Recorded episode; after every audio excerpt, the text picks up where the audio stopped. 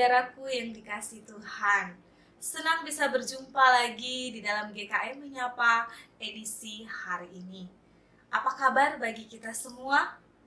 Doa dan harapan saya kita terus berada di dalam tuntunan dan pemeliharaan akan kasih setia Tuhan.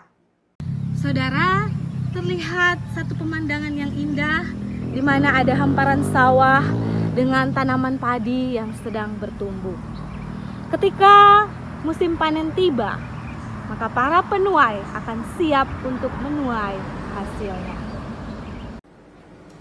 Berbicara tentang tuayan, saya teringat dengan satu perkataan Tuhan Yesus di dalam Injil Matius, tepatnya Matius 9 ayat 37 sampai 38, firman Tuhan berkata, Maka katanya kepada murid-muridnya, Tuayan memang banyak, tetapi pekerja sedikit. Karena itu, mintalah kepada Tuhan yang mempunyai tuayan, supaya ia mengirimkan pekerja-pekerja untuk tuayan itu. Saudaraku, di dalam perikop yang kita baca ini menceritakan bagaimana kisah perjalanan pelayanan Tuhan Yesus. Dia banyak berkeliling, berkeliling ke desa, ke kota, dia banyak menyembuhkan orang sakit. Bukan hanya menyembuhkan orang sakit, tetapi Yesus juga memberitakan Injil kerajaan surga. Banyak orang yang mengikuti dia pada saat itu, baik mereka yang membutuhkan yang namanya pemulihan kesehatan, banyak juga yang membutuhkan akan pemulihan kesehatan rohani mereka. Untuk itulah ketika Yesus memandang mereka, Yesus pun berkata mereka seperti domba-domba yang tidak bergembala. Di dalam belas kasihannya kepada banyak orang yang mengikuti Yesus pada saat itu, sehingga dia pun mengutarakan satu perkataan kepada murid-muridnya.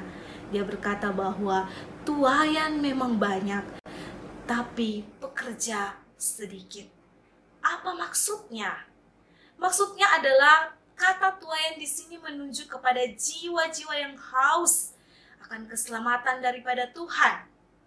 Dan dia mengajak murid-muridnya untuk boleh mereka melibatkan diri sebagai pekerja-pekerja yang juga akan menuai jiwa-jiwa bagi Allah.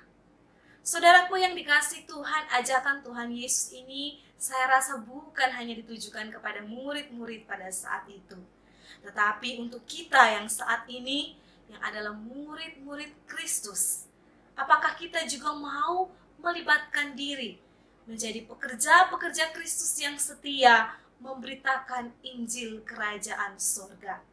Kita tahu bersama di dalam ladang atau dunia yang Tuhan tempatkan saat ini, ada begitu banyak orang yang membutuhkan akan belas kasihan Tuhan.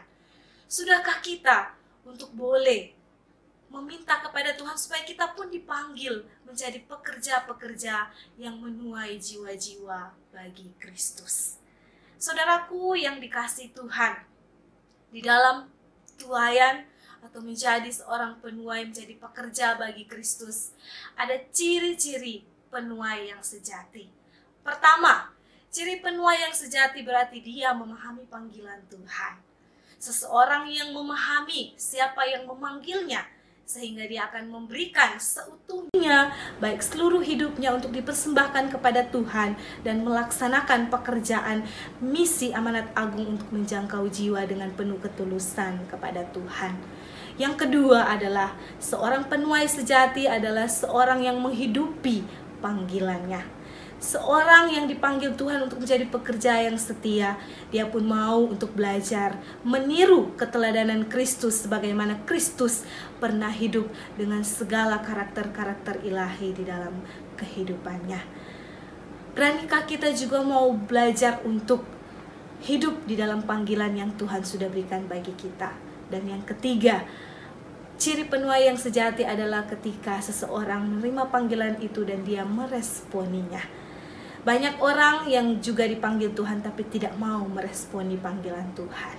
Banyak alasan yang orang-orang cari untuk supaya dia bisa menghindar daripada panggilan itu. Tetapi murid Kristus yang sejati adalah dia berani untuk meresponi panggilan Tuhan menjadi mitra Allah untuk boleh bekerja bagi kemuliaan Tuhan, menuai jiwa untuk hormat dan kemuliaan Tuhan.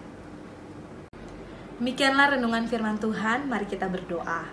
Terima kasih Tuhan firman-Mu yang telah mengingatkan kami bahwa kami dipanggil untuk menjadi pekerja-pekerja Kristus menuai jiwa bagi Tuhan. Teguhkanlah komitmen ini dan biarlah kami boleh melakukannya. Demi Kristus Tuhan kami yang adalah guru kami yang sejati kami datang bersyukur dan berdoa. Amin.